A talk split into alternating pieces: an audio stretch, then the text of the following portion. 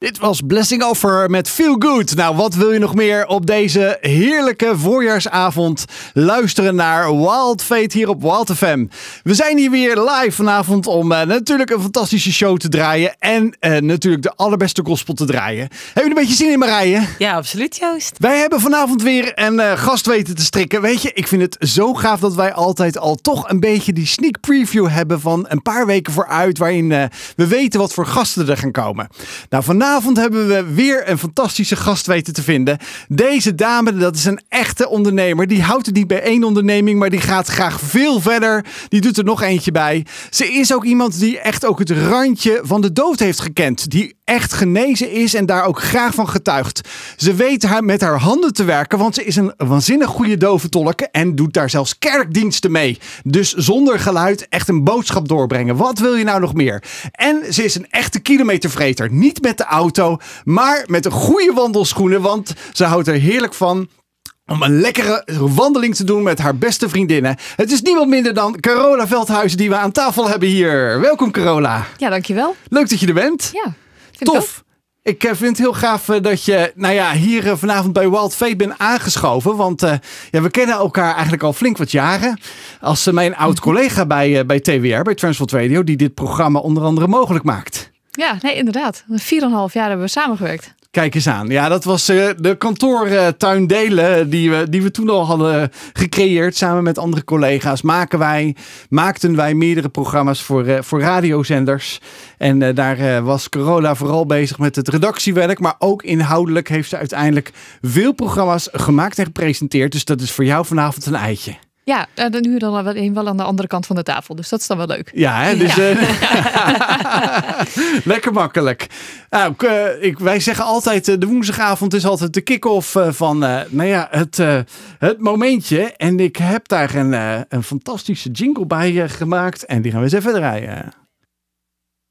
Hey Marije, dat geluksmoment vanavond, vertel eens. Um, jij had het net over de prachtige uh, voorjaarsavond, uh, maar het is sinds vandaag zomer, Joost. Ja, zeker. Dus uh, 21 juni is toch, juli, is toch wel echt een fantastisch moment om, om weer een volgend seizoen in te luiden. Waar het ook dat mijn soort van zusje, uh, een uh, dame die ik ken vanuit het studeren in Zwitserland. En uh, zij was toen tien geworden op deze dag. en ja, dat is nog steeds een soort van zusje voor mij. En dat is echt heerlijk om ja, vandaag op afstand haar verjaardag te vieren. Ik in Nederland, zij in Zwitserland. Maar dat is zeker een momentje van geluk. En altijd gewild zusje die ik heb mogen ontvangen in de zin van de dochter van een hele goede vriendin. Dus ja, dat is echt wel ja, echt mijn geluksmomentje vandaag. En uh, heb je ook iets waarvan je zegt, ja, dat is echt uh, iets wat ik wil delen met de luisteraar. Dat is echt een stukje geluk wat ik wil, uh, wil delen. Nou, um, we zijn natuurlijk nu de zomer ingegaan en dat, dat vind ik echt een heerlijke, echt een heerlijk seizoen. Ik vind de lente ook altijd prachtig, maar ik hoop altijd op die lange zomeravonden en zo. En, um, maar waar ik ook heel dol op ben, is, is dus wandelen. Joost zei het net ook al in de introductie. Um, en dat gaat ook weer wat makkelijker als het uh, nou, weer heerlijk weer is. En dan s ochtends heel vroeg je bed uit. En dat moet ook wel, want uh, binnenkort hoop ik de Nijmeegse te gaan lopen. Wow. En dan uh, wordt het vier dagen heel vroeg mijn bed uit. En heel lang lopen. Maar ja, oh. daar zie ik wel echt naar uit. En ik ben ook echt super dankbaar dat het gewoon kan. En dat het, ja, daar heb ik echt wel, daar zie ik echt super naar uit. Ja, want even voor de beeldvorming voor de mensen die denken, hoeveel kilometer is dat dan? dat is vier keer 40 kilometer. Zo. Iemand kan je maar je benen. ja. Uh, Joost uh, denkt, uh, wij niet gezien. Nee, of, de man op de motor, ja. die 40 kilometer. niet eens per dag, maar een enkeltje 40 kilometer. Ja. Ja. Heb je ook iets waarvan je zegt van, nou, dat is echt mijn geluksmomentje. Dat wil ik graag niet, de luisteraar niet onthouden? Nou ja, ik, ik weet niet hoe jij zelf uh, misschien wel zit te luisteren. En misschien heb je er wel wat aan of niet aan. Maar ik vind uh, zelf familie erg belangrijk. Nou ja, en er was weer eens een, een flink verjaardagsweekend afgelopen weekend. Met echt heel veel verjaardagen. En dat wordt allemaal vaak gecombineerd bij elkaar. En dan kom je iedereen weer tegen. Dus het is ook gewoon heerlijk met elkaar lekker ja, even bijpraten, bijkletsen. Vakantieplannen delen. sommigen gaan nog op vakantie. Sommigen zijn alweer geweest. Want die, ja, die hebben ook geen kinderen meer of die hebben kinderen buiten de schoolvakanties om. Dus die hebben al zo'n zo'n vakantie gehad. Ja, dat is altijd heel gezellig. Dus lekker eten met elkaar, bijpraten. Dus ik heb twee dagen, volle dagen in het weekend gehad met verjaardagen. Kijk, klinkt goed hè Joost? Ja, zeker. Maar ja, natuurlijk de woensdagavond, zoals je gewend bent van ons, is natuurlijk de allerbeste gospel. En daar gaan we lekker van genieten. Ja, dit was Energy. Welkom terug bij Walt FM hier eh, met Walt Fate. Woensdagavond is altijd gospelavond hier van 8 tot 10. En altijd een goed gesprek over geloof. Want het is niet voor niets Walt Fate. Geloof, wat is dat nou in je dagelijks leven? Wij hebben vanavond uh, Carola Veldhuis hier te gast. Ja, en dan weten wij natuurlijk al de nodige achtergrond. Maar ik ben even benieuwd, Carola. Vertel eens eventjes aan de luisteraar thuis. nou, wie ben je eigenlijk? Ja, nou, dat is uh, altijd een hele leuke vraag. Um, ik denk dat als je het aan mijn familie en mijn vrienden zal vragen, dan uh, zeggen ze gelijk: Oh, jij bent een bruistabletje. Nou, dat vind ik altijd een hele fijne, goede uh, omschrijving. En dat klopt eigenlijk ook wel. Dus uh, ja, ik ben echt heel ehm, energiek en ik doe van alles. dat is net ook natuurlijk al wel gezegd. dus ik, ik heb mijn eigen coachings- en toerustingspraktijk. Ik maak als eh, freelancer podcast, uh, websites. Ik maak af en toe wat logo's, gewoon voor de leuk. Gewoon eventjes lekker creatief bezig zijn. Ik zit in de politiek. Ik ga voor in kerkdiensten, zowel gewone kerkdiensten als diensten voor doven. Um, nou ja, ik wandel dus heel graag. Ehm, ik ben heel graag met vrienden en vriendinnen en om spelletjes te spelen en gewoon leuke avonden te hebben. Dus ehm, ja, en naast mijn mijn ene bedrijf heb ik dan ook nog met mijn beste vriendin een ander uh, bedrijf. En dat is uh, Rebelse Dames. En daar uh, ondernemen we echt allemaal leuke activiteiten. Zoals kampvuuravonden, ehm, wandelroutes, um, weekend, weekenden en zo. Dus ja, echt... nou, dat klinkt inderdaad als een bruistablet wat je zojuist ook stelde. Ja. veel energie. je zei ook al van, hey, dat is eigenlijk niet altijd zo geweest. Nee. kun je ons eens meenemen in waar je dan vandaan komt? Want iedereen die het hoort, die denkt, ja, ik kan me gewoon niet voorstellen dat je ooit de tijd hebt gehad dat je niet zoveel energie had. Nou ja, um, ik heb 18 jaar gehad dat ik niet zo heel veel energie had. 18 eh, jaar? Ja, ik was uh, zeven en toen Ehm, ja, toen kreeg ik eigenlijk een vaag virus. En dat duurde heel lang voordat het uh, eigenlijk echt ontdekt was. Maar ik had altijd spierpijn en ik had altijd, ehm, ja, ik was altijd moe. En het leek eigenlijk op vijver en, en het leek op jeugdreuma. Maar het was het alle twee niet. En ja, dan ga je heel lang zoeken, zoeken, zoeken. En de artsen waren echt, on, ja, die wisten eigenlijk niet zo goed waar ze het moesten zoeken. En uiteindelijk hebben ze maar een naampje aangegeven. En ehm, eh, toen ik tien was, kreeg ik uh, knieklachten. En bleken mijn knieschijven te hoog en te los te zitten. En ik kreeg een, een blinde darmontsteking. En dat bleek achteraf een eierstokontsteking te zijn die mijn blinde darm aangestoken heeft. Oh. En nou, toen moest hij er dus in één keer acuut uit. Maar toen was het eigenlijk al best wel ver gevorderd. Want ik had er al een jaar mee gelopen. Dus ja, dat, ehm, dat had best wel wat uh, lichamelijke problemen of uh, consequenties. En, um, maar je was toen tien. Ja. Tien jaar oud. Dus je, je hebt echt wel heel wat opgeschat vanaf je zevende. Ja, ja eigenlijk al vanaf mijn geboorte. Maar, uh, maar vanaf mijn zevende werd het eigenlijk alleen maar erger. En voor mijn knie moest ik uitgegroeid zijn. En dat was ik op mijn vijftiende. En toen hebben ze mijn knie geprobeerd. Ehm, ja, mijn knieschijf proberen te laten sporen, om maar zo te zeggen. Zo werd het door de artsen genoemd. Dus hij zat dus te hoog en te los, waardoor hij dus niet lekker uh, ja, langs mijn kniegewricht uh, gleed. En dan uh, veroorzaak je dus slijtage. Dus ze hebben de pees verplaatst, maar bij het inspuiten van de verdoving kreeg ik een hartstilstand. Huh? Dus uh, nou, na een uh, hele lange, echt wel best wel veel minuten gereanimeerd en um, volledig onder narcose gebracht. En tien uur later pas wakker geworden. En toen hadden ze me wel geopereerd. Zo slim waren ze dan wel. Maar uh, ja, dus dat was niet echt helemaal uh, volgens plan. En de operatie was ook nog niet gelukt. Dus dat was helemaal bagger. Dus uh, eigenlijk vanaf mijn tiende liep ik al op krukken. En toen ik dus 15 was, ja, toen werd de pijn alleen nog maar erger. Want toen ging hij nog verder slijten. dus toen had ik die krukken echt altijd nodig. En altijd pijnstillers. en zoveel pijnstillers dat ik op mijn twintigste een maagbloeding kreeg. En dat was ook kantje boord. Ehm, uiteindelijk uh, met hele hoge koorts opgenomen. En uh, ik bleef me overgeven. Zelfs zo erg dat ik ontlasting ging overgeven. Dus mijn maag was al helemaal ja, die, die hele functie was gewoon niet meer in werking. Dus mijn darmen die kwamen ook, uh, ja, die leegden zich ook via mijn, mijn mond. Ja, dat was echt super smerig. En ook echt gewoon echt wel heel angstaanjagend. Maar ook dat overleefd. En ehm, vanaf dat moment werkte mijn maag niet meer. En nam ik geen vitamines en mineralen meer op. Ehm, waardoor ik dus op mijn 21ste eigenlijk niet meer kon lopen. Mijn spieren waren zo verzwakt dat ik uh, in een rolstoel terecht kwam. En dat heb ik uh, tot mijn 25ste in een rolstoel gezeten. En ehm, het ging alleen maar slechter. En mijn lichaam was gewoon op. Overal ontstekingen. mijn heupen en mijn schouders. Alles, alles kon heel makkelijk uit de kom schieten. Want ja, ik had gewoon geen geen spieren meer die eigenlijk wat deden. Ehm, als ik opstond, dan kon ik zomaar drie, vier zweepslagen in mijn kuit hebben. Ja, dan had ik helemaal niks spannends gedaan. Dan stond ik alleen maar op. Zo. En uh, ja, de pijn was echt alleen uh, was, ja, met morfine een beetje te houden. Maar ik had zoveel morfine nodig. Dan kon je drie volwassen mannen mee plat krijgen. En ik uh, bleef gewoon toch rechtop zitten. Nou ja, niet helemaal, want ik lag eh, ongeveer acht uur, uur, per dag op bed. En ehm, dat was een beetje mijn leven. Hoe, zo. hoe deelde je daarmee? Want je deelt zo even een, een rollercoaster van ellende op ellende op ellende. Dat je echt denkt, jeempie, je, eh, kon je nog wel een beetje licht zien in het leven? Nou ja, uh, kijk, ik ben natuurlijk van stap voor stap voor stap. Het werd bij mij natuurlijk steeds erger. En, uh, en ik, ja, dat was voor mij een heel proces. Jullie krijgen het nu eventjes in een paar minuten zo poek in één keer.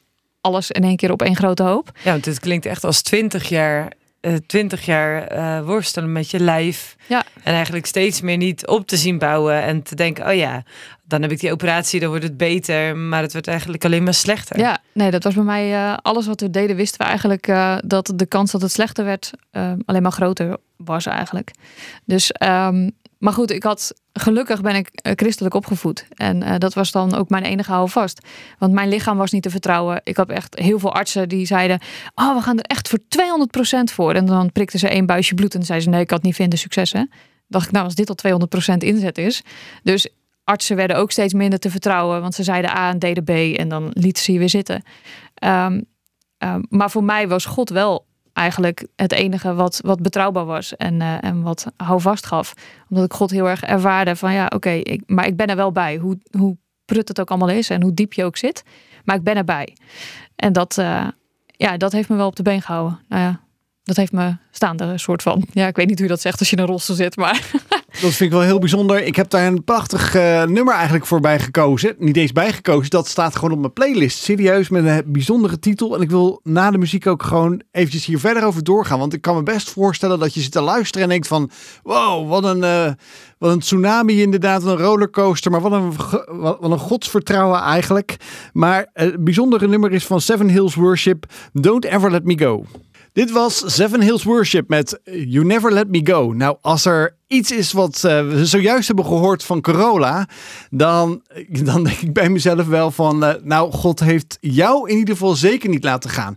Maar jij getuigde er net zo even eigenlijk makkelijk over van dat je dat vertrouwen hebt, Corolla. Maar ik kan me heel goed voorstellen dat mensen zeggen, die nu luisteren, luisteren, die zeggen, ja, ik, eh, ik heb ook wel van dit soort ellende nu in mijn leven. -hmm.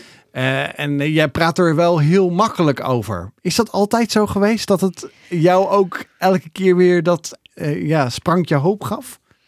Um, nou, ik denk dat het begon bij mijn opa. Die, ehm, die zei altijd tegen mij: Weet je, je moet morgen weer naar de dokter. Of deze week moet je weer naar de dokter. En dan, dan gaat de dokter weer vertellen dat je niet goed bent. maar dat klopt niet, want je bent door God gemaakt. En je bent door hem gewild. En dus ben je perfect. Punt. Eigenlijk, dat was eigenlijk altijd zijn, de strekking. Van, maakt niet uit wat een ander tegen je zegt of over je zegt. Of uh, uh, God heeft jou bedoeld. Punt. Dus hoe het ook is, het maakt allemaal niet uit. En um, dat gaf mij wel een stukje um, zekerheid. Al vanaf het begin al, eh, hoe klein ik ook was.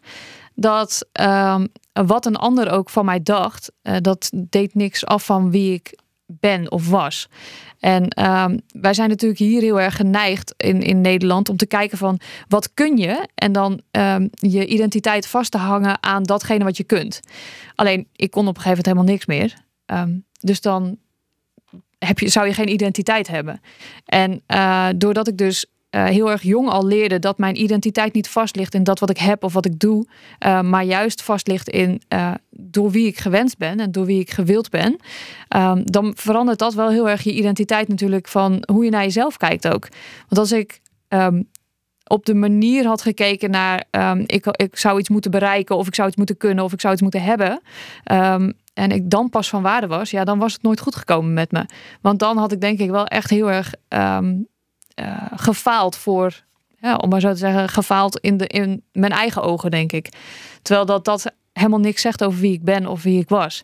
Ja, dus eigenlijk zeg je, uh, he, de, juist door mijn geloof en datgene wat mijn opa altijd zei, dan kon ik juist um, mijn waardigheid vasthangen aan ja, gewoon uh, uh, wie ik ben als persoon, maar niet dat ik moet voldoen aan, aan de verwachtingen vanuit de maatschappij. Ja. Want daar kon je gewoon niet aan voldoen door je ziek zijn. Ja. En dat is denk ik wel de, de uh, beste leerschool geweest, ondanks dat hij wel heel lang was, 18 jaar. Maar het helpt mij wel heel erg, en het hielp mij toen ook heel erg, van um, um, we willen zo graag, um, onbewust denk ik, vergelijk je jezelf met een ander. En als je uh, dan dus inderdaad ellende hebt of ziek bent of uh, verliezen hebt geleden en je vergelijkt je met een ander die dat niet heeft, dan kan je wel eens afvragen van of één, waar heb ik dit aan verdiend? Uh, of twee, uh, heb ik het dan niet goed gedaan? Hè? Dat, of of um, ja, die ander die leeft wel uh, gelukkig. En ik heb dat op een gegeven moment wel echt los kunnen koppelen. Dus ik, ik genoot echt super van alle kleine momentjes waar ik echt van kon genieten. Dus een vriendin die een poosje langskwam of die een paar uurtjes op, op, op een dag dat ik wel rechtop kon zitten. Um, uh, op een gegeven moment kreeg ik mijn rolstoel en ik had er 18 maanden op moeten wachten. Dus ja. ik kon 18 maanden eigenlijk helemaal niks. En toen in één keer kon, kreeg ik mijn rolstoel. Waar voor iedereen dat misschien heel erg een, een moment is van... oeh, shit, ik heb een rolstoel nodig. Was het voor mij echt een stuk van vrijheid die ik terugkreeg. Dat ik dacht, wow, ik, ik kan nu gewoon zelf een soort van weer naar buiten. En ik kan nu met mijn vriendinnen erop uit. En ik kon gaan winkelen. Want ik kon zitten. Dus het kostte me geen energie. En dat deed wel pijn, maar nou, een stuk minder. Dus dat gaf mij zoveel vrijheid. En ik heb heel bewust ook steeds die dingen, uh, ja, die knop steeds omgezet van oké, okay, maar die rolstoel, ja, dat is kloten dat je hem nodig hebt. Maar tegelijkertijd, wat fijn dat hij er is. En um, dat is wel een soort mindset, want het lukt ook echt niet altijd. Um, want ik, het lijkt nu wel alsof ik altijd super, super, super positief was. Maar ja. um, toen ik mijn maagbloeding had, heb ik ook echt wel uh, gezegd tegen God van ja, nou is het klaar. Laat me dan nu maar doodgaan, want uh, dit heeft toch geen zin? Toen was ik, ja. nou ja, wat was het? Uh, 13 jaar, 15 jaar ziek. En, en ben je nooit boos geweest op God? Dat je echt dacht, ja, even serieus, waarom flikt u mij dit? Um, nou ja, toen met, met die maagbloeding ben ik wel heel boos geweest. Toen had ik echt zoiets van, ja, dit, dit heeft helemaal geen zin? Um, maar verder eigenlijk niet, omdat ik niet um, kon geloven dat als God mij dan zo graag hier op aarde zou willen, dat hij dan zoveel ellende geeft.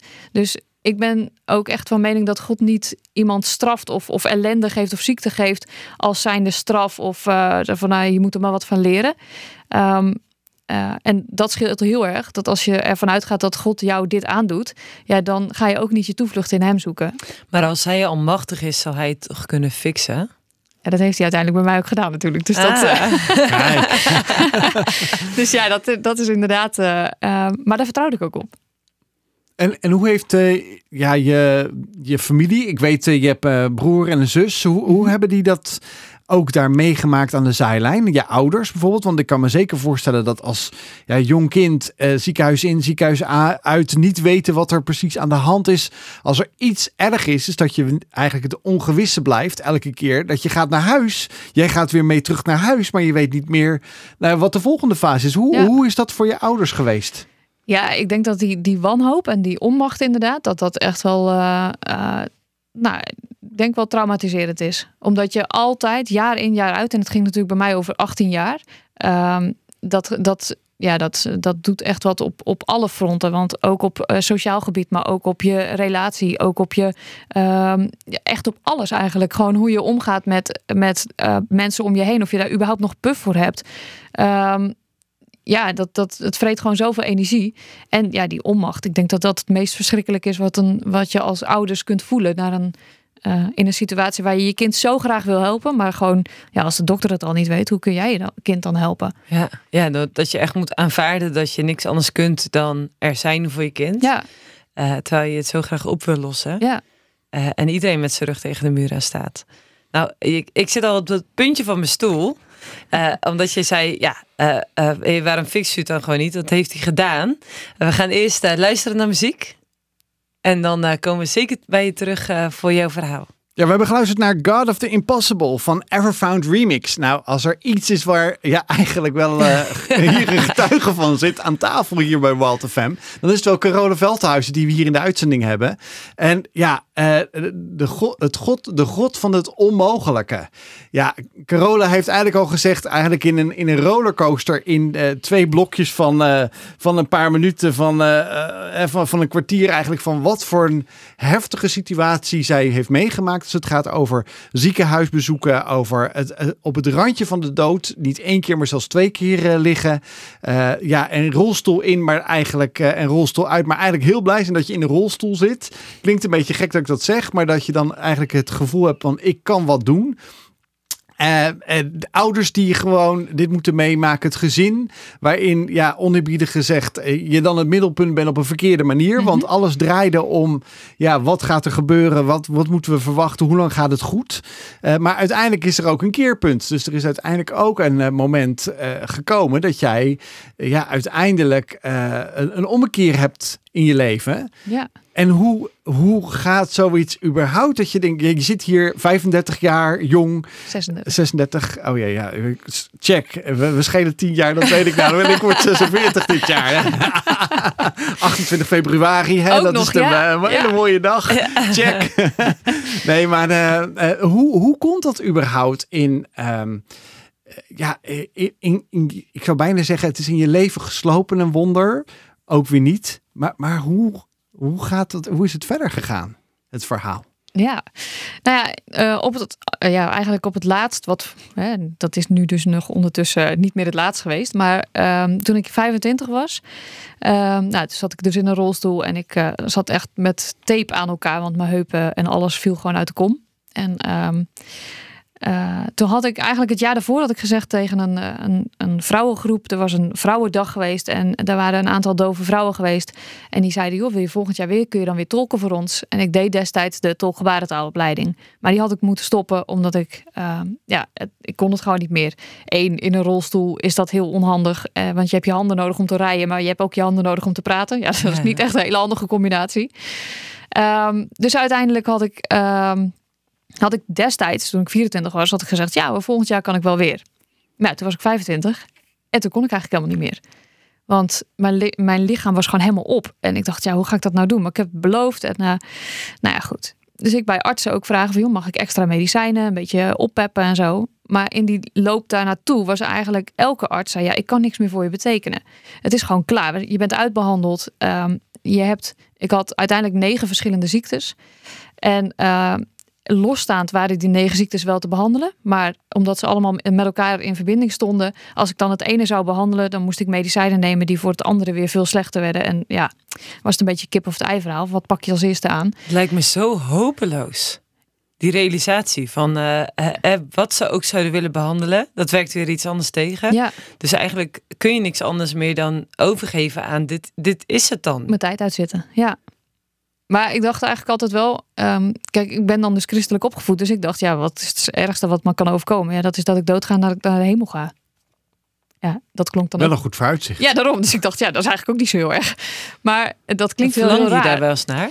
Nou, in eerste instantie niet, maar in um, uh, december kreeg ik op een gegeven moment, uh, uh, ja, de, ik had heel veel ontstekingen op mijn eierstok ook. En dat waren echt uh, bloemkolen. Um, en die ontstekingen die werden zo groot, die werden een centimeter of acht.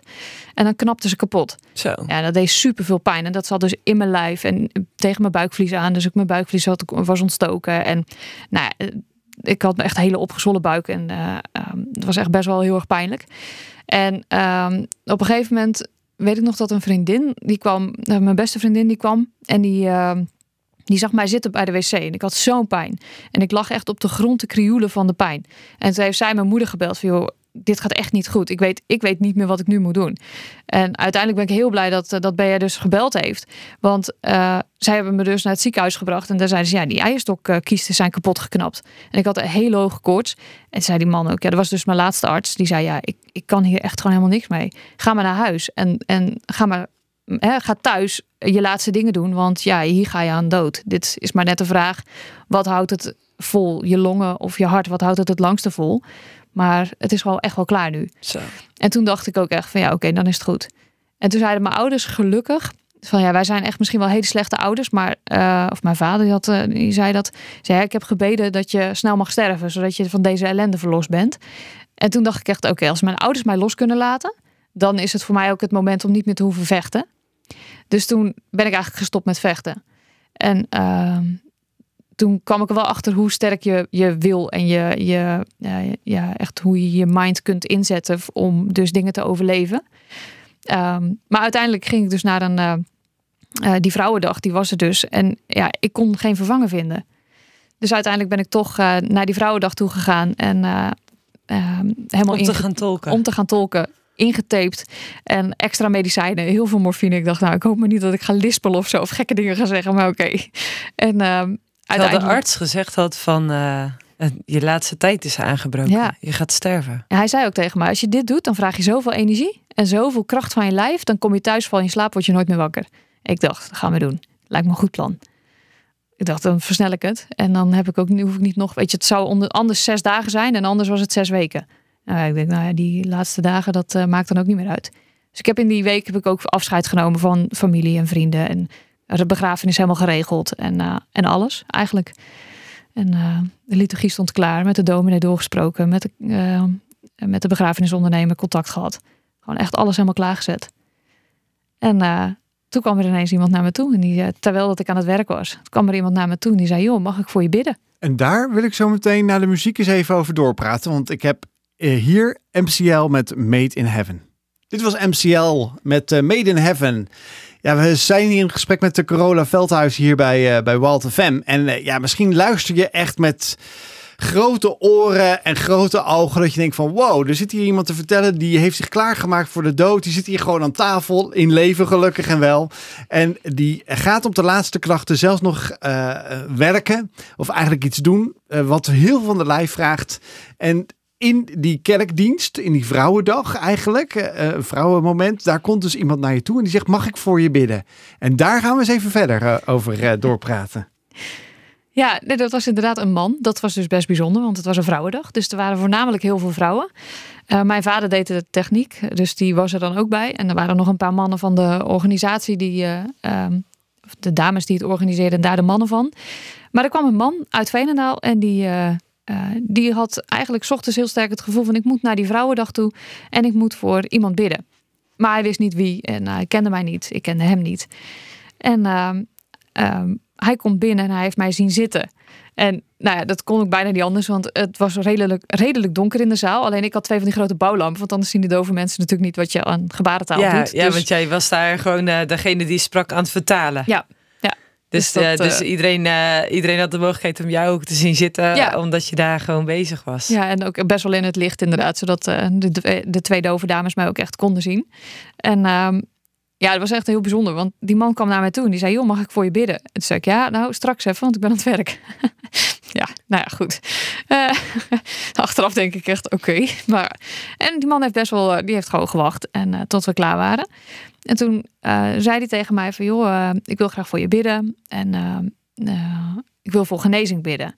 Alleen in mijn beleving was genezing dan weer dat ze morgen zouden bellen voor een nieuw pilletje. Van joh, we hebben een nieuw medicijn ontdekt en probeer dat eens. En dan zou het weer een paar weken goed gaan en dan kreeg ik weer zoveel bijwerkingen van die pillen. En dan, ja. Dat was eigenlijk wat er de afgelopen 18 jaar gebeurd was. Dus ik dacht, ja, nou ja, het zal wel. En toen zei hij, nee, maar echte genezing. Echt datgene wat alleen God kan geven. Oké. Dus uiteindelijk, uh, ik dacht, ja, baat het niet, dan gaat het niet. Zo nuchter stond ik er dan ook alweer in. Um, Terwijl je eigenlijk al overgegeven had aan het feit, ik ga sterven. Ja, dus toen dacht ik ook, wat heb ik te verliezen? Hij mag best voor me bidden, want ja, helpt het niet, dan is ja. het ook oké. Okay.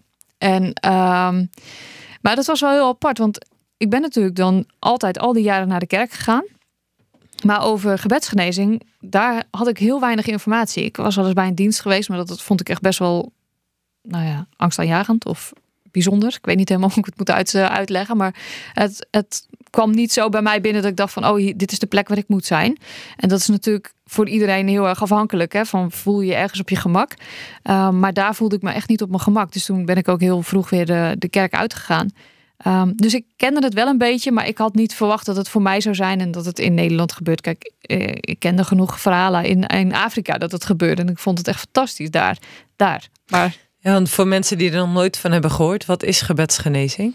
Ja, gebedsgenezing is dat, dat dus iemand um, um, voor je gaat bidden. Dus iemand met de zalving van, uh, of eigenlijk de gave van, uh, van genezing, die gaat dan voor je bidden en die vraagt aan God, of eigenlijk spreekt hij in Jezus' naam uh, genezing voor je uit, of over je uit. En um, nou, dat is dus ook wat die man dus voor mij deed. Die, die zei dus van, mag ik met je bidden? En die wilde dus genezing over mij uitspreken. en dat vond ik wel echt ja, heel bijzonder, omdat ik, omdat ik er dus niet zo goed mee opgegroeid was. En ik wist dus eigenlijk niet zo goed wat ik ermee moest. Maar de andere kant was dat ik anders zou sterven. Dus ja, wat had ik te verliezen? Niks. En toen stelde hij de vraag van, is er nog iets waar je, uh, waar je spijt van hebt of waar je, um, waar je vergeving voor wil vragen aan God?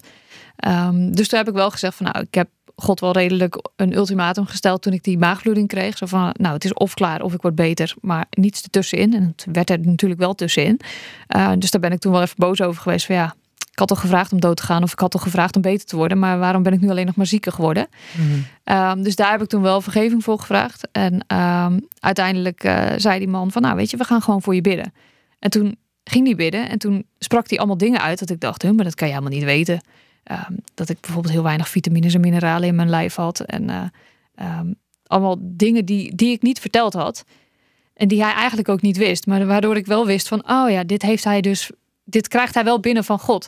En hij, de, de Heilige Geest geeft hem dus een soort van de woorden die hij echt moet uitspreken. En uh, nou ja, uiteindelijk het was best wel een intens en lang gebed. En hij had op een gegeven moment ook een hand op mijn knie. En ik voelde echt van alles nog wat in mijn knie gebeurde. Dus ik dacht echt, haal die hand eens weg, want het voelt heel vies. En, um, en nou, zo waren er wel meer dingen. En toen uiteindelijk zei hij amen. Tijdens sta op uit je rolstoel. En toen stond ik dus op uit mijn rolstoel. En um, in mijn voeten waren mijn zenuwen afgestorven. Dus ik kon eigenlijk alleen nog maar uh, sloffen aan en geen sokken, geen schoenen, want dat gaf te veel druk op mijn voeten. En als ik ging staan, dan voelde, ik, voelde het alsof ik op een egel stond. En uh, dat had ik niet meer. Huh? Dus ik dacht, hm, oké. Okay. Dus ik stamp op de grond. Hij zei, uh, die man die zegt, uh, wat ben je aan het doen? Ik zei, ik heb geen pijn meer. Maar hij dacht dat ik zei, ik heb nog pijn of iets in die trant. Dus hij zei, oh, dan moeten we nog even verder bidden. Ik zei, bidden? We moeten danken. Ik heb helemaal geen pijn. En toen, dus ik nog een keer en ik dacht, maar ik sta ook best wel stevig. Dus geef me zo'n zetje. En uh, nou, normaal gesproken, dan zou ik vallen. Dan zou ik iets uit de kom schieten of wat dan nog. Maar uh, ik bleef gewoon staan. En toen werd het ook helemaal warm onder mijn voeten. En dat ging heel langzaam zo naar mijn enkels en naar mijn knieën, naar mijn buik. En daar bleef het ook best wel heel lang. Het werd echt bloedheet. Echt alsof ik helemaal in de fik stond. En um, toen merkte ik ook dat mijn broek ineens heel zacht, of heel los zat. En toen was ik uiteindelijk die avond met één gebed al vijf kilo afgevallen. Welke vrouw wil dat nou niet? Maar gewoon door, de, door het verdwijnen van die ontsteking. Ja, en toen uiteindelijk ben ik nog 18 kilo afgevallen. Omdat ik gewoon weer kon bewegen en al mijn medicijnen en zo heb laten staan. Maar uh, ja, die avond alleen al merkte ik echt gewoon dat ik de kracht weer in mijn, in mijn lijf terugkreeg en in mijn benen. En ik ben tot half drie s'nachts doorgegaan. En uh, uiteindelijk heb ik, nadat het dus, um, nadat ik echt dat hele hete gevoel ook echt weer uit mijn lijf vertrokken was, toen ben ik gaan huppelen, want ik dacht, oké, okay, ik heb nog nooit kunnen huppelen. Dus als ik echt genezen ben, dan doen al die spieren het ook. En toen ben ik gaan huppelen. En uh, op dat moment was ook mijn vader gehaald. En die stond dus bovenaan de trap. En die ziet mij ineens voorbij komen huppelen. Die dacht, uh, huh? En die, die, ja, die moest zo enorm huilen. Ja. Dus ik ben daar die trap op gerend. En een van zijn eerste woorden was: Jij kan toch helemaal geen trap lopen? maar dat, ja, dat had ik natuurlijk al jaren niet gedaan. En dan gewoon zo omhoog, de, gewoon de trap oprennen. Ja, dat was echt super bijzonder.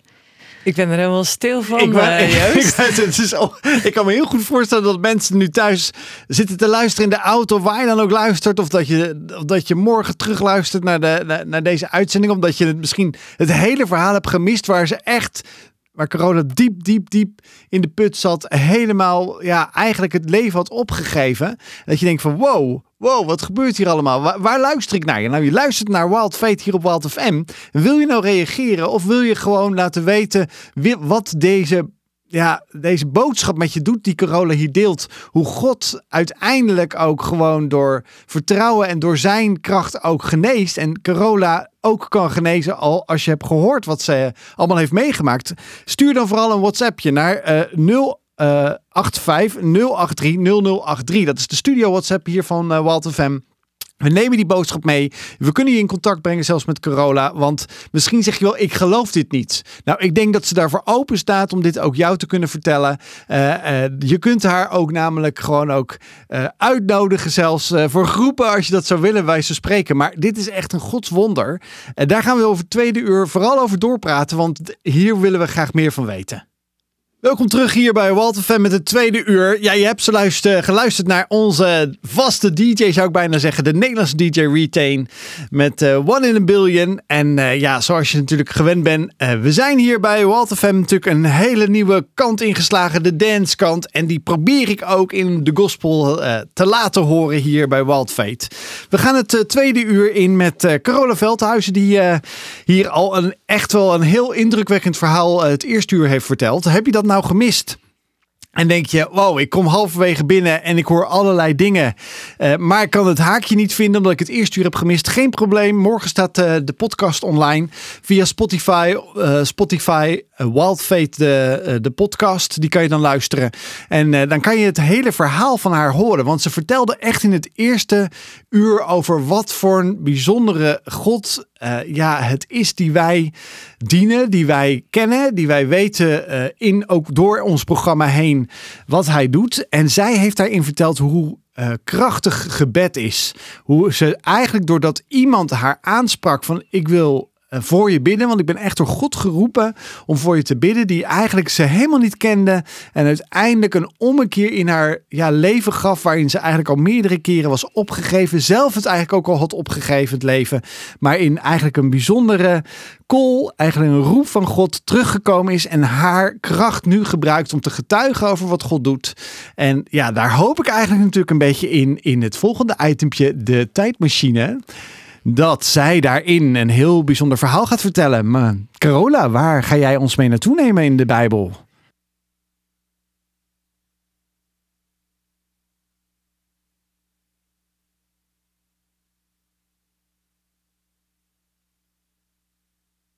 Ik uh, wil jullie meenemen naar uh, 2 Koningen 13. Oké, okay, dat is het Oude Testament. Het Oude Testament, ja. Um, daar staat namelijk dat de profeet Elisa, die was erg ziek geworden en hij zou sterven. Koning Joas was koning van Israël op dat moment en hij kwam naar hem toe en hij helde: Mijn vader, mijn vader, Israël kan niet zonder u. Elisa zei tegen hem: Haal een boog en pijlen. Joas kwam terug met een boog en pijlen. Elisa zei tegen hem: Leg een pijl op de boog. Toen, toen legde Elisa zijn handen op de handen van de koning en zei: Doe het raam open dat op het oosten uitkijkt. Toen de koning het raam had opengedaan, zei Elisa: Schiet. De koning schoot. Elisa zei: Dat is een pijl van overwinning van de Heer. U zal de koning van Aram overwinnen en vernietigen. Daarna zei hij: Pak de pijlen. Toen, zei de, toen de koning ze in de hand had, zei hij tegen de koning: Sla mee op de grond. De koning sloeg er driemaal mee op de grond en toen hield hij op. De profeet werd kwaad en hij zei: U had er vijf of zes keer mee moeten slaan. Dan zou u Aram verslagen hebben en helemaal vernietigd hebben. Maar nu zult u Aram maar drie keer verslaan. En dat is natuurlijk een heel. Uh, ja, ik denk dat het een heel onbekend stukje ook is. Maar uh, ja, ik vind dit echt een prachtig stuk uit de Bijbel. Um, ik denk dat als ik daar had gestaan, dat ik echt dacht: oké, waarom wordt nou die profeet boos? Dat vind ik zo, zo bijzonder. Want hij gaf toch niet de opdracht van sla tot in het oneindige. Of, uh, maar als je dit stukje leest, dan, dan zie je dus dat, um, dat de profeet elke keer één stap vertelt wat, wat de koning moet doen. Dus uh, je moet dit doen en dat doet hij dan. En dan uh, krijgt hij weer de, stap, de volgende stap. En um, ik zie het ook een beetje zo als hoe God ons leven wil leiden. Van hij geeft ons een, een, een, idee of een, een gedachte of een stap die we moeten zetten. En uh, dan zijn we vaak wel bereid hè, van, oh, ik heb nu heel sterk het, het idee dat ik dit moet doen. Um, en, maar hè, dan, en dan doen we die stap. Maar wat nou heel bijzonder is, is dat um, Joas, die koning, die stopt dus ook uit zichzelf. Niet op. Uh, dus hij begint wel als God tegen hem zegt. Maar uh, hij wacht niet tot God zegt, nou, nu is het genoeg. En um, um, dat is eigenlijk wel een beetje typerend ook voor mijn leven. Dat God tegen mij zegt van, uh, nou, uh, ga dit maar doen. Um, ik kreeg namelijk heel erg, na mijn genezing kreeg ik de roeping van, ga over mijn wonderen vertellen. Maar ik had super spreekangst. Dus ik dacht echt, oh, leuk grapje. Gaan we dus echt niet doen, hè? en die avond werd ik uitgedaagd om gelijk voor een groep van 500, 600 jongeren mijn getuigenis te geven. En ik was zo super zenuwachtig. Ik durfde dat echt niet. Um, dus degene die het organiseerde uh, die dag, die zei: Nou, ik blijf bij je staan en het komt wel goed. En um, ik had ook bijvoorbeeld toen kunnen zeggen: Nou, dat heb ik een keer gedaan, punt. Gedaan. Maar dat is niet wat God van mij vraagt. God vraagt om door te gaan totdat Hij zegt: En nu is het tijd om te stoppen. Um, want dan zal je meer krijgen dan dat je eigenlijk voor ogen had en dat je zelf kunt inzien. En uh, dat vind ik het toffe van dit stukje. Kijk, ik vind het echt een super vage opdracht die hij krijgt. Want pijlen zijn helemaal niet bedoeld om mee te slaan. Pijlen zijn bedoeld om mee, uh, om mee te schieten. Dus, uh, maar dat bemoedigt mij ook eigenlijk. Van soms moet je iets onlogisch doen. Net zoals die man die dus voor mij ging bidden. Echt is super onlogisch dat hij voor mij ging bidden. Want ik was hartstikke ziek en um, hij was uh, een man op een vrouwendag. Dat was al niet helemaal logisch. En nou, zo waren er allemaal dingen die allemaal niet logisch waren. Maar toch heeft hij, uit, uh, heeft hij wel gehoor gegeven aan die vage opdracht, aan die uh, onlogische opdracht. En uh, ik denk dat het helpt. En ik denk ook dat het koning Joas geholpen had als, eh, als hij zijn vrienden bij had. En dat die, dat die hadden gevraagd: joh, maar waarom doe je dit? Want dan was het antwoord geweest omdat God dat van me vraagt. En dan is het veel makkelijker om door te gaan. Want anders word je beïnvloed door je eigen gedachten. Van, wat ik nu doe is echt onnozel. Ja, het is echt onnozel. Ja, waarom doe je het dan? Ja, ik kan er ook gewoon mee stoppen. Punt. Terwijl dat als je jezelf blijft herinneren van... ja, ik doe nu iets heel erg onlogisch... maar dat doe ik omdat God het van mij vraagt... Uh, hoe vaag het ook is en hoe, uh, hoe weinig mensen je zullen snappen. Uh, ik denk dat dat wel helpt om dan gewoon door te gaan totdat God de vervolgstap geeft. Welkom terug bij Wild Fate. Ja, dit was uh, Now I Know van Tennessee Tears. Um, echt uh, uh, indrukwekkend verhaal hebben we vandaag in de studio van Carola Veldhuizen. Zij deelde over haar genezing nadat ze eigenlijk al alles al voorbereid had voor haar begrafenis. ze was 18 jaar ziek. En um, ja, ze was op een dag eigenlijk ja, een van de laatste dagen die ze te leven zou hebben. Toen er een vreemde man op haar afkwam en die aan haar vroeg: Mag ik voor je bidden? En ze genas. Ze kon uh, pijnvrij lopen, de trap oprennen. En haar vader die keek met grote ogen naar wat er gebeurde. En vandaag de dag, nou ja, je, je hebt het over wandelen, over de Nijmeegse Vierdaagse. Ja. Terwijl, nou ja, dat is al inmiddels elf jaar geleden dat je zei, uh, ja, er was gewoon geen hoop meer voor mijn leven. Ja, klopt. Zo indrukwekkend. Ja. Hey, en je, je zei net van, uh, uh, je nam ons mee in het Bijbelverhaal van, van Elisa met koning Joas. En daarbij zei je, soms moet je iets doen uh, als God je iets vraagt waarvan je echt denkt, nou, dit is echt zo onnozel. Um, maar je praat over God als zijnde dat hij dus ook dingen zegt dat je moet doen. Ja. Kun je ons eens meenemen in hè, hoe werkt God dan? Hè, mensen kennen misschien wel, hebben wel nagedacht over dat er een God is of dat er een bovennatuurlijke wezen is, maar dat hij dan ook met je kan praten, dat hij überhaupt kan genezen, maar ook je ja, dingen kan vragen om te doen. Hoe werkt dat voor jou? Ja, nou, voor mij geldt dat heel vaak dat ik een, een beeld krijg. Um, Wat is een beeld? Ja, dat is echt gewoon een soort schilderij die ik zie. Um, um, en dat speelt zich eigenlijk altijd, ja, dat, als je gewoon recht vooruit kijkt, dan speelt het zich rechts uh, boven voor mij af. Maar ja, dat is voor iedereen anders. Uh, want je hebt ook mensen die bijvoorbeeld echt een stem horen, of mensen die heel erg een gevoel krijgen, of een lied krijgen, of nou, um, en... Ja, dus eigenlijk je krijgt een visualisatie van God. Ja. Dus echt een soort van boodschap waar je iets mee ja, kunt kan. doen. Ja, ja. En, dat, um, en dat geldt voor iedereen weer anders. Want uh, ik ben helemaal niet talig. Um, sterker nog, ik heb dyslexie. Dus ik zal niet zomaar iets met woorden krijgen. Want dat is niet wat ik, uh, dat is niet wat bij mij aansluit. Terwijl dat ik wel echt een beelddenker ben. Dus als ik een beeld krijg of ik zie ineens iets, ja, um, ik zie iets en dan krijg ik een gedachte over bijvoorbeeld. Dan, dan kan ik dat dus afstemmen van hé, hey, maar is dit dan van mezelf of is dit van God? Want dat kan natuurlijk ook, hè, dat je sterk dat je iets ziet of, of denkt en dat je denkt, hmm, is dit nou voor mezelf? Ja, dat kan natuurlijk ook nog. Um, en dat is ook wel een beetje, dat is eigenlijk gewoon oefenen. En kun je ons eens meenemen in een beeld wat je had? Oeh. Um, nou, dat is misschien wel bijzonder. Want um, ik weet nog dat uh, op een gegeven moment uh, Joost en ik zijn natuurlijk collega's uh, geweest bij TWR. En op een gegeven moment liet God aan mij merken van dat het tijd was om verder te gaan. Om, om te stoppen als, als radiomaker. En um, dat kwam eigenlijk, en dat was heel bijzonder. Ik, ik was bezig met het programma Bijbelstart. Dus dan maakte ik um, uh, ik schreef vijf preken in de week. En um, ik was op dat moment bezig met openbaring. Of daar zou ik mee aan de slag gaan. Maar dan was... openbaring is het laatste boek van de Bijbel. Ja, klopt. Okay. En, um, en ik had dan het hele Nieuwe Testament met hulp van, uh, van twee andere uh, sprekers ook. Maar verder hadden we alle hoofdstukken van het Nieuwe Testament behandeld. Dus Hoeveel zijn dat er? Nou, wij hadden 355 afleveringen volgens mij van het Nieuwe Testament gemaakt. Dus um, Heel wat luisteruurtjes ja. uh, voor de boeg. Ja. Heel, wat, uh, heel wat schrijfuurtjes achter de rug toen. En toen moesten we natuurlijk dus nog de laatste 22 uh, hoofdstukken van, van de openbaringen. En, um, um, en ik had eigenlijk tijdens de vakantie al wel heel erg het idee dat God tegen mij zei van nou het is wel tijd om verder te gaan. Maar ja, wat ga je dan doen? En uh, dat was dan ook weer zo'n onlogische stap. Dus dat ik dacht, nou, ik heb iets meer aanwijzingen nodig van is dit nou mijn eigen gedachte of is dit nou echt van God? En op een gegeven moment uh, zag ik ineens een, een Bijbel die lag open op openbaringen. En die bladerde gewoon heel netjes, gewoon hoofdstuk voor hoofdstuk over, voorbij. En op een gegeven moment ging de Bijbel dicht en die kwam op een andere plek, ging die weer open. En voor mij was het eigenlijk een. Uh, hè, dan, nou, dan is het dus oké, wat betekent dit dan? Want dan kan je natuurlijk allemaal een eigen invulling aan geven. Uh, maar dat afstemmend met God, van oké, wat mag dit betekenen? Is dit dan dus dat het, dat het dicht, dat de Bijbel nu sluit, dat het afgerond is en dat hij op een andere plek wel weer open gaat?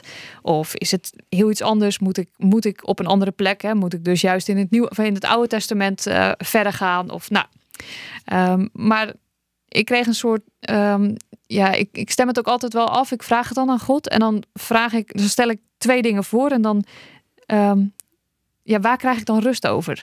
En op het moment dat ik dan rust ervaar, zo van oké, okay, hier, hier word ik rustig van, dan weet ik van oké, okay, dit is eigenlijk wel wat, wat God van me wil. En word ik ergens heel onrustig van of, of juist heel erg angstig van, ja, dan weet ik dat het niet iets van God is of dat het niet de bedoeling is. Ja, dus dat is voor jou echt een hele belangrijke noemer ook. Van uh, krijg ik er rust van? Ja. Uh, bevestigt daarin uh, die gedachte ook, uh, of dat gevoel ook, datgene, die indruk die ik dan al had. Ja, terwijl dat het heel onlogisch is om rust te krijgen als je je, je baan opzegt. Ja, Zonder maar, iets naast, je, bij, ja, naast ja. te hebben of zo. Ja, ik had genoeg dingen te doen natuurlijk, maar um, dat is natuurlijk een hele onlogische stap om gewoon je baan op te zeggen, punt. Maar dat gaf wel rust. En toen dacht ik, nou oké. Okay. Ja, een uh, tijd voor een nieuw avontuur. Ik, Joost, ik moet heel erg denken aan een interview wat we hebben gehad met Dieter Kouwmouw. Uh, dat, is, uh, dat was in februari alweer 2022, dus echt alweer lang geleden. Maar zij heeft een boek geschreven, De Droomjager. En dat gaat juist ook over mensen die dus dromen krijgen, waar zij ook heel veel over vertelt en ja, studies over geeft en dat soort dingen. Echt over hoe, hoe kun je dan het bovennatuurlijke van God ook vertalen? Hoe kun je dat ook begrijpen en daar ook je keuzes, uh, ja, je leven op inrichten om hem daarin ja. ja. te horen, omdat God een alwetend God is. Dat, ik vind het wel heel bijzonder ook dat Corona dat ook zelf ook aangeeft van ja, uh, God spreekt ook op deze manier tot mij. Hè? En dat uh, zeggen we natuurlijk al eigenlijk elke week hier wel.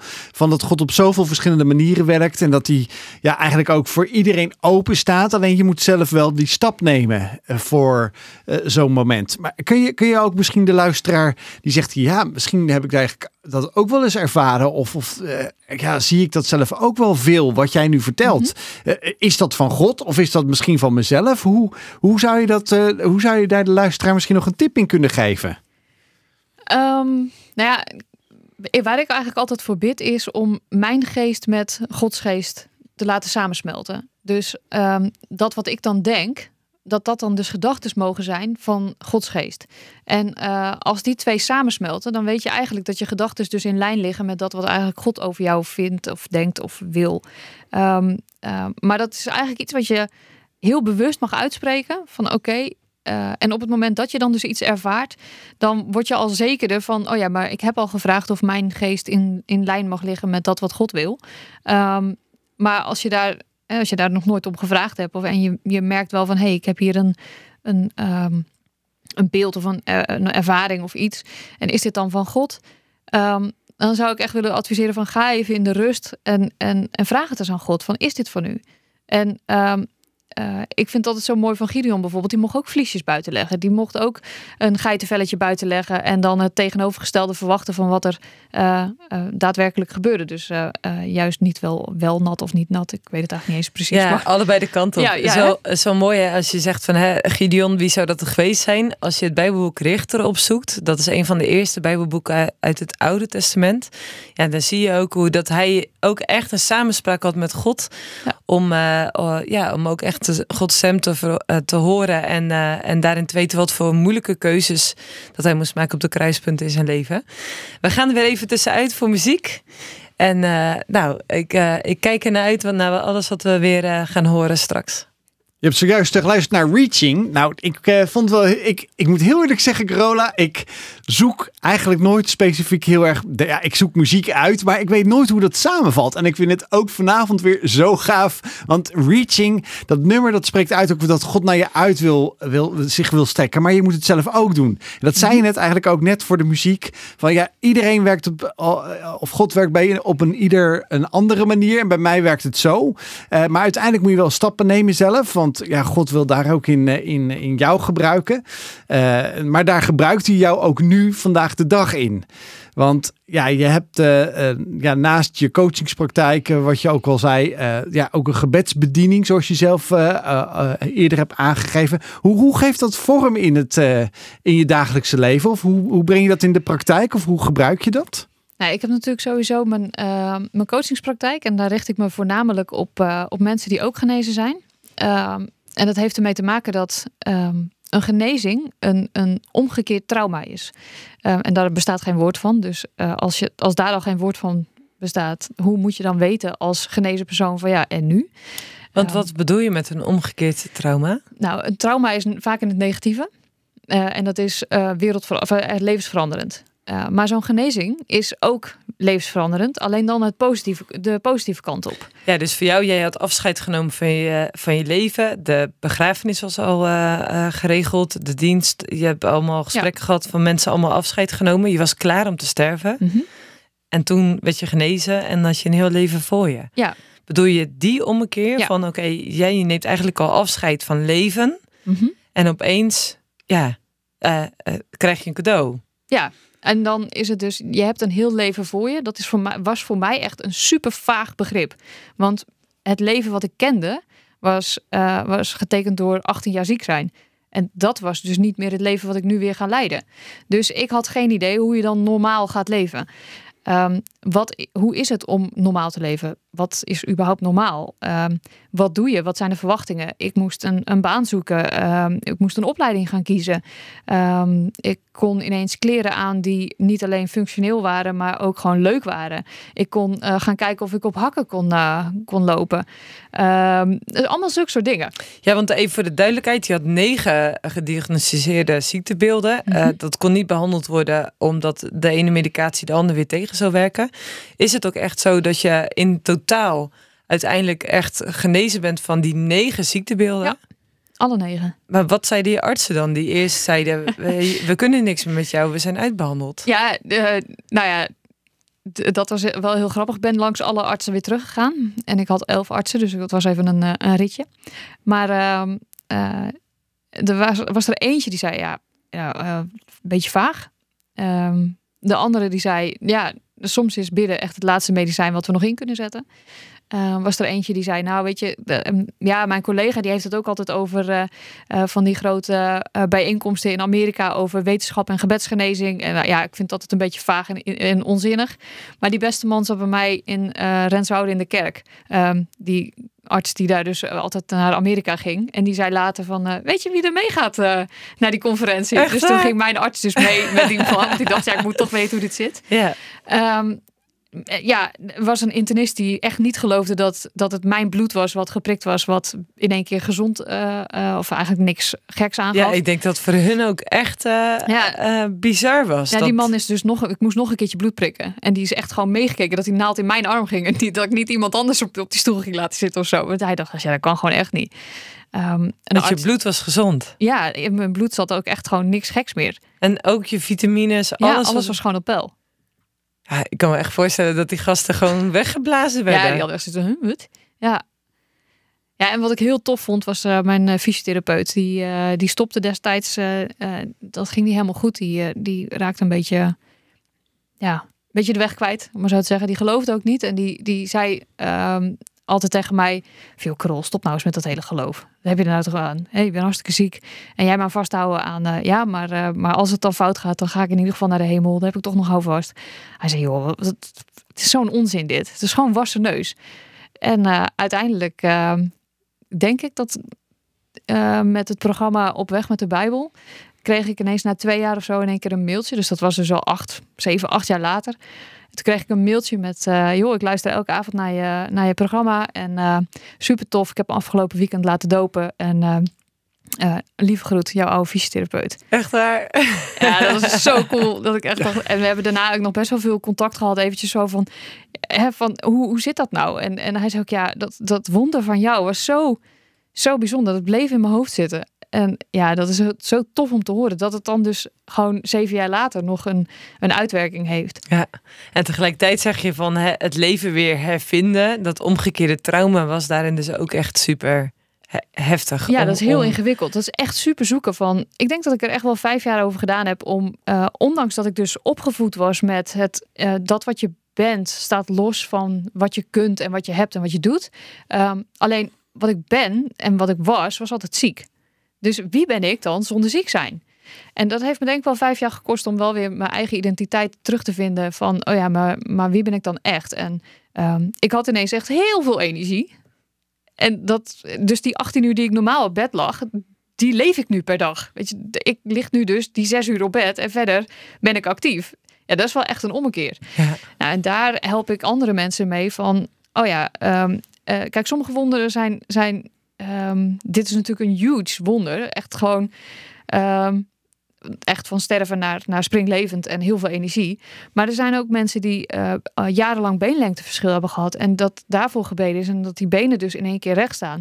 En, ja, dus dat is even voor de beeldvorming. Uh, je krijgt heel veel heup- of knieproblemen als je benen niet even lang zijn. Ja. En door gebed kunnen ze dus ja, dat even lang worden. Even lang worden. Ja, en dan uh, verdwijnen dus ook bijvoorbeeld die wekelijkse bezoekjes aan de fysiotherapeut. En, uh, maar je bent gewend dat, dat, hè, dat je altijd pijn in je knieën hebt. Dat je dus niet ver gaat lopen, want ja, dat kan niet met mijn benen. Um, en dan, um, om dan dus die stap te maken met naar, oh ja, maar dat kan dus nu wel. Ik heb bijvoorbeeld een, een, een een cliënt gehad in mijn coachpraktijk die, uh, die fietste, die, die genas en die wist altijd van oké, ik kan 500 meter fietsen. Want, en daarna word ik moe en dan krijg ik pijn en dan moet ik stoppen. Maar na haar genezing wist ze dat ze 5 kilometer kon fietsen. Maar wat deed zij? Zij ging dus die rondjes van 500 meter, ging zij blijven herhalen. En zij durfde niet een groter rondje van 5 kilometer te fietsen, maar zij fietste dus gewoon, weet ik hoe vaak, dat rondje van die 500 meter. Dus dat, en Um, terwijl dat, dat eigenlijk, dan blijf je een beetje hangen in het oude patroon wat je altijd hebt gedaan. En dat patroon doorknippen en, en daar los van komen, ja, dat is gewoon best wel ingewikkeld. En dat vraagt soms heel veel jaren. En dat is eigenlijk super jammer, want dan, dan verlies je dus die jaren die je dus, ja, ik noem het altijd genadetijd. En zo heet ook mijn bedrijf natuurlijk. Dus dat is dan die, uh, maar die is echt daarop gebaseerd van die jaren die je dan cadeau krijgt waarin je uh, mag genieten van het feit dat God je aangeraakt heeft, dus je genezen heeft. Dat alleen al is een super bijzondere ervaring. Daar moet je over praten, daar moet je wat mee. Daar, hè, dat wil je verwerken, dat wil je vieren. Um, en tegelijkertijd is dat ook wel een dunne scheidslijn van, van, ja, maar ga je dat dan vieren? En wat, wat dan voor al die mensen die dat niet ervaren hebben of die nog wel ziek zijn? En Nou, dat zijn allemaal stappen waar ik, waar ik dus mensen mee uh, meeneem. En zeg van nou oké, als je het nu zo eens aanpakt of dit. Of, uh... Ja, super bijzonder om, uh, om ook te horen. Hè? Dat, je, dat je zo met datgene wat je zelf doorleefd hebt ook van betekenis kunt zijn voor de andere mensen. En daarin ook, ja, juist ook mensen aan de hand mee kunnen nemen naar een stukje vrijheid. Een stukje verkennen, hey, wat als die kaders er niet meer zijn. Ja. Waar je gewoon in vrijheid kan leven. En daar heb ik een mooi nummer weer voor. Dit was Blessing Offer met Feel Good. Ja, daar is iemand hier aan tafel vanavond, Corona Veldhuizen. Met uh, ja, onder andere haar uh, bijzondere verhaal wat ze aan het delen is hier bij Wild FM uh, op Wild hier tijdens Wild. Waarin we graag ja, een stukje geloof, hè, fate, geloof willen aantippen wat dat nou in je leven kan betekenen, in je dagelijkse leven.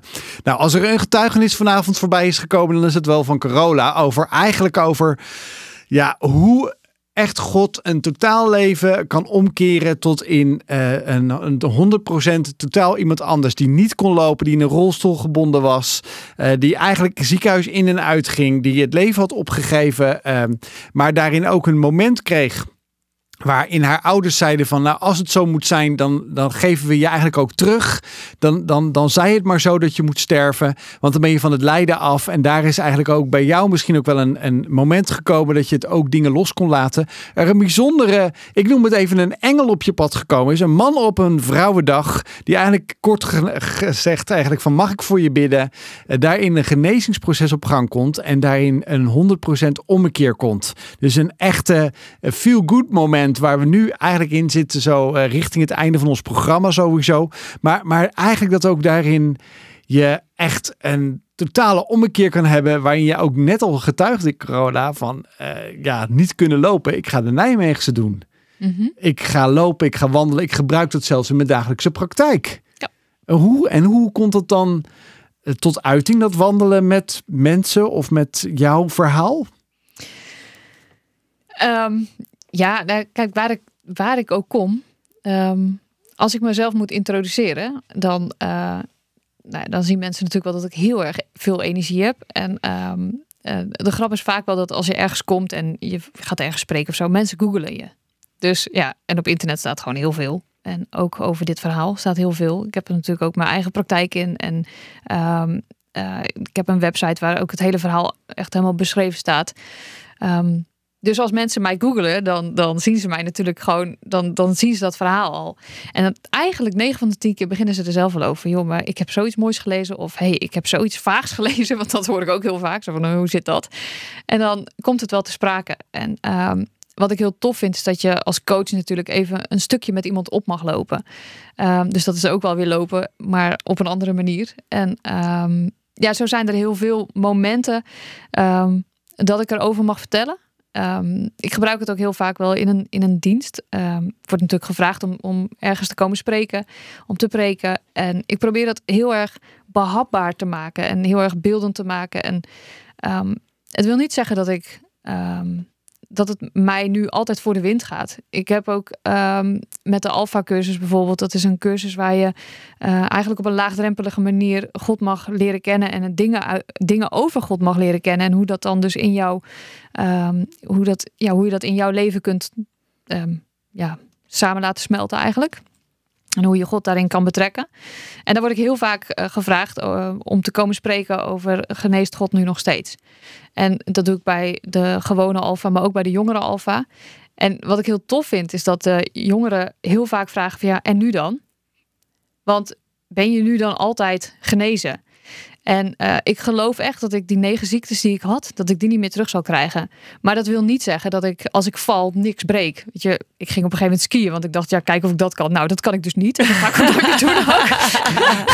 Daar hebben we anderen voor die dat wel kunnen. Ja. Maar ik moet dat vooral niet doen. Ik brak mijn hand op twee plekken. Ik dacht, ja, nou oké, geprobeerd, maar kan het niet. En uh, ja, en dat is prima. Maar dat waren dingen die ik nog nooit gedaan had. Dus ik dacht, ja, ik ga het gewoon proberen. Uh, en soms leer je dan dat je sommige dingen ook niet kunt. Maar het hoeft ook niet en dat scheelt. Um, maar wat ik wel bijzonder vond, is dat ik bijvoorbeeld uh, vorig jaar kwam ik uh, in één keer uit, uit de hoed van het bevolkingsonderzoek. Met een, een kankerverwekkend virus en, en onrustige cellen. En um, dan sta je wel eventjes van, oh ja, oef. ehm, ik ben wel genezen, maar ik heb niet een goddelijk lichaam. Ik ben niet ineens een engeltje of zo, die Ja. als ze valt eh, een soort boven de grond blijft zweven. Of eh, die nooit meer een griepvirus opvat. Of nou ja, zoiets. Dat hopen we altijd wel, hè? Dat we ergens een goddelijk wezen zullen worden. Ik bedoel, Ja. heel onze maatschappij zit er vol mee met... Ja, toch wel het het verlangen om als God te willen zijn. Ja, nee, Eh, d- en inderdaad. dat je, dat je zegt van, hey, ik, ik ben ondergeschikt. En God, hij is mijn God. Eh, hij heeft mij genezen. Dat is echt bovennatuurlijk een wonder. Ja. Eh, maar uiteindelijk ja, gaat het leven hier als mens zijn eh, straks over in een leven in het eeuwige. Ja. Eh, wanneer je gestorven bent en, eh, en in de hemel mag komen. Ja, maar Hey, tot die tijd heb je dan wel hier op aarde te dealen met de dingen die ieder ander mens ook te dealen heeft. En dat, eh, ja, ik heb op dit moment gelukkig de dans ontsprongen. En eh, ook ehm, eh, daar, en daar ben ik dan super dankbaar voor. Ehm, maar dat houdt je ook wel heel nuchter en zo van ja, oké. ehm, nou ja, ik, ik heb wel echt een, een, een tweede kans van God gekregen, of een zesde kans eigenlijk. Maar, maar en die wil ik echt wel ja, volop eh, benutten. Ja, dat cadeautje, zoals je dat ook noemt. Ja, Ben je daar ook in je bedrijf, want dat heet Genadetijd. Eh, is dat ook op je pad gekomen? Of eh, was het in één keer een, eh, een, nou ja, een, een visioen of zo- zo'n droom die je had gehad? Van nou, dit is ook dan de naam van mijn, van mijn bedrijf. Omdat ik dat ook ervaar. Want ja, het klinkt zo eh, eh, eh, episch zou ik bijna zeggen. Genadetijd. Hè? Ja. Maar Nee, dat heeft eigenlijk een beetje met Paulus te maken. Paulus die Oké. zegt eh, ehm, eh, op een gegeven moment hè, van, van dat sterven is winst. En, ehm, en voor mij was het ook heel erg van ja, nou ja, oké, als ik ehm, als ik sterf, dan is het oké. Dan is het heerlijk, want dan ga ik naar de hemel. Eh, maar als ik nu genees, dan is het ook oké, om maar zo te zeggen. En dan is het genade van God. Dus dan is het eh, genade is eigenlijk echt het cadeau van God. En ehm, ehm, ja, aldoende kwam ik dus ook echt ja, in al pratende eigenlijk van ja, ik leef echt in genadetijd. Dus ik leef in cadeautijd. Want eigenlijk zou ik dus nou, rond eh 18 januari, eh, ehm, wat is het, 2013 eh, ehm, gestorven zijn. Eh, maar ik heb dus nu al tien jaar, ruim tien jaar, erbij cadeau gekregen. En ehm, die cadeautijd, dat is eigenlijk dus het woord ja, genadetijd, is, is voor mij echt het cadeautje, de, de tijd in, in ehm, de plus, in, eh, om maar zo te zeggen. Dus eh, die ik eigenlijk niet had gehad als dit niet was gebeurd. Ja, zo wel bijzonder dat je dat ook deelt. Van, eh, ja, dat dat ook nog een bijzonder perspectief daar ook op werpt. Ehm, in de voorbereiding heb ik een beetje op je website ook eh, rond eh, gesurfd. En eh, een van de dingen die je aanbiedt is, is een cursus steun vanuit de Bijbel. Ja. Ook voor als iemand zegt van, hey, ik, ja, ik vind het zo bijzonder om van jou te horen. Ik zit in een moeilijke periode. Eh, kan ik aanhaken bij die cursus? Ik zag dat het ook online aan te haken valt. Dus Klopt. waar je dan ook vandaan luistert, eh, ja, is het een hele mooie manier wellicht om, om de Bijbel daarin ook beter te leren kennen. Eh, kan die daarvoor ook dienen voor mensen die zeggen van hé, hey, ik, ik zou graag eh, eh, ja, echt een stuk verdieping in, in, eh, in ja, eigenlijk het verkennen van wie God is. Mhm. Juist ook binnen de, de moeilijkheden die nu op dit moment in mijn leven spelen. Ja, hij is op zich is die geschreven voor mensen die ook genezen zijn.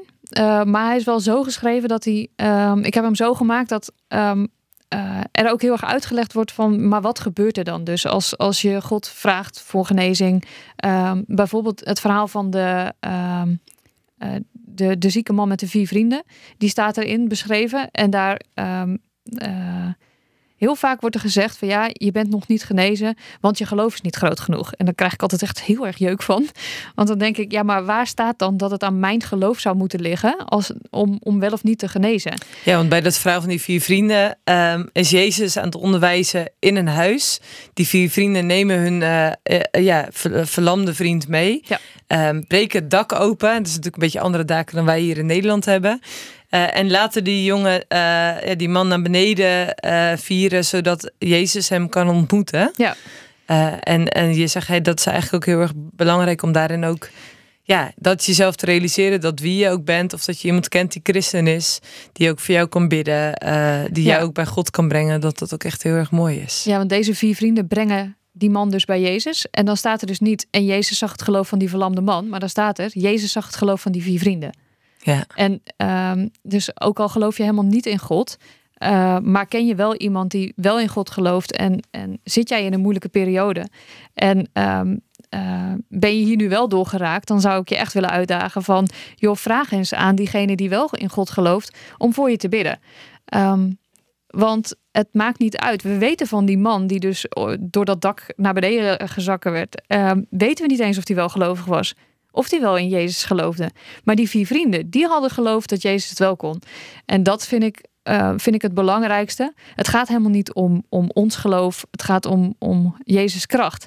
En als we dat uitspreken en uh, ja, we daarmee mensen naar, naar Jezus brengen. Dus ook al geloof je helemaal niet, maar, um, maar wil je wel die kracht ervaren. Ja, vraag er gewoon om ik vind het een prachtige afsluiter van deze aflevering van, uh, van Wild Fate hier op Wild FM. Uh, ik wou zeggen, we leven bijna in genadetijd dat we, dat, we, dat we er echt uit moeten. Maar we kunnen nog even rekken. Ik, ik vond het echt heel super bijzonder verhaal. En ook om jou hier in de studio te hebben gehad, uh, Carola. Ik kende je, ik ken je natuurlijk al wat langer. Ik weet ook dingen. Maar ook wat, wat Marije al meerdere keer heeft gezegd. En ik ook. Ik, ik, de, bijzonder ook hoe God vandaag de dag ook uh, werkt en door jou heen werkt en door je werk heen werkt, wat je ook weer uitdeelt en doordeelt aan anderen. Ik wil je heel erg bedanken dat je er was vanavond. Ja, jullie ook bedankt. Ja, uh, wij zeggen tot volgende week gewoon toch weer, Marije. Ja, absoluut. Ik heb er weer zin in.